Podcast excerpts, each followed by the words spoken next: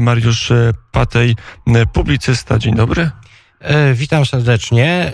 No, mój taki komentarz po sukcesie wyborczym prezydenta Andrzeja Dudy E, no, e, mnie ciekawi, czy będzie kontynuował realizację polityki swojego e, wielkiego poprzednika Lecha Kaczyńskiego w kontekście rozwi rozwijania infrastruktury przesyłu ropy naftowej, czyli czy projekt Odessa E, Brody, Adamowo, Płock, Gdańsk zostanie w końcu zrealizowany. Mm, to jest element strategii. Pamiętamy, kiedy mm, Lech Kaczyński lobował, działał, starał się mm, i w końcu skutecznie się wystarał, aby to polska spółka kupiła rafinerię na Litwie. E, to była decyzja przez wiele lat krytykowana. Lewica, liberałowie mówili, nie opłaca się, to jest inwestycja polityczna, jakby to był największy zarzut, a przecież tylko pieniądze się liczą i czyste e, zyski.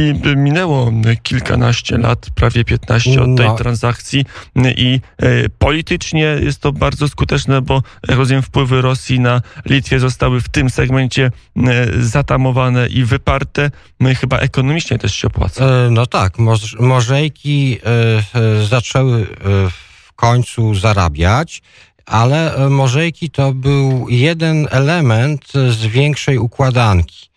I e, teraz wydaje mi się, że jest czas, e, żeby dokończyć e, tą wizję Lecha Kaczyńskiego. Przecież on nie przypadkiem podróżował do Gruzji, do Azerbejdżanu, na Ukrainę, właśnie po to, żeby połączyć te kraje korytarzami transportowymi, E, także e, korytarzem transportowym e, transportującym ropę naftową. Ropa naftowa jest bardzo ważnym surowcem, ważnym strategicznie i dla Polski, ale też na przykład dla Federacji Rosyjskiej, ponieważ 2,5% budżetu Federacji Rosyjskiej pochodzi z polskich e, e, spółek naftowych e, czy ze spółek kontrolowanych przez Polskę. To jest bardzo dużo.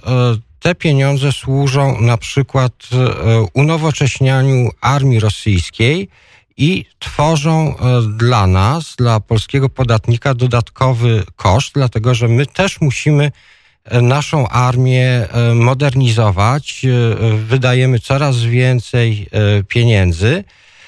Natomiast gdyby przynajmniej część z tych środków, które są oddawane Federacji Rosyjskiej, rozrzucić po krajach regionu, to byłaby i korzyść gospodarcza, i polityczna, ponieważ Polska uczestniczyłaby w stabilizowaniu e, tych krajów, które jeszcze nie są w Unii Europejskiej i w NATO, ale mają takie aspiracje. A z, z drugiej strony mamy interesy Rosji.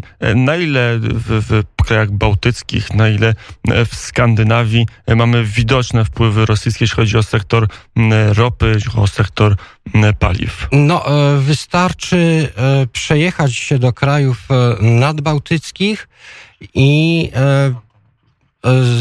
zobaczyć, ile stacji benzynowych mm, e, należy e, do e, biznesu rosyjskiego. To mówi o wpływach Rosji, jeśli chodzi właśnie o ten ważny sektor. To teraz dokończmy opowieść o, do wyborów prezydenckich. Mamy drugą turę Andrzeja Dudy, mamy tweet Donalda Trumpa z gratulacjami, ale także z także z tym elementem e, współpracy na polu energetycznym, na polu gazowym, na polu także pewnie importu innych paliw płynnych.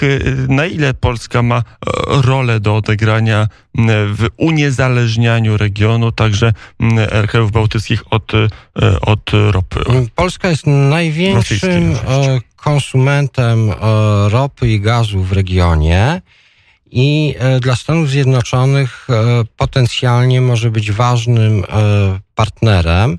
Wiemy, że Stany Zjednoczone e, od jakiegoś czasu z importera e, gazu i ropy stały się eksporterem tych surowców. W związku z tym e, przez Polskę może prowadzić droga do innych, mniejszych rynków w naszym regionie, w tym do rynków krajów nadbałtyckich. Mm, I to jest e, także zadanie dla prezydenta na następne pięć lat. Mariusz Patej, redaktor, analityk rynku energetycznego, był gościem porankowny. Dziękuję bardzo. E, dziękuję.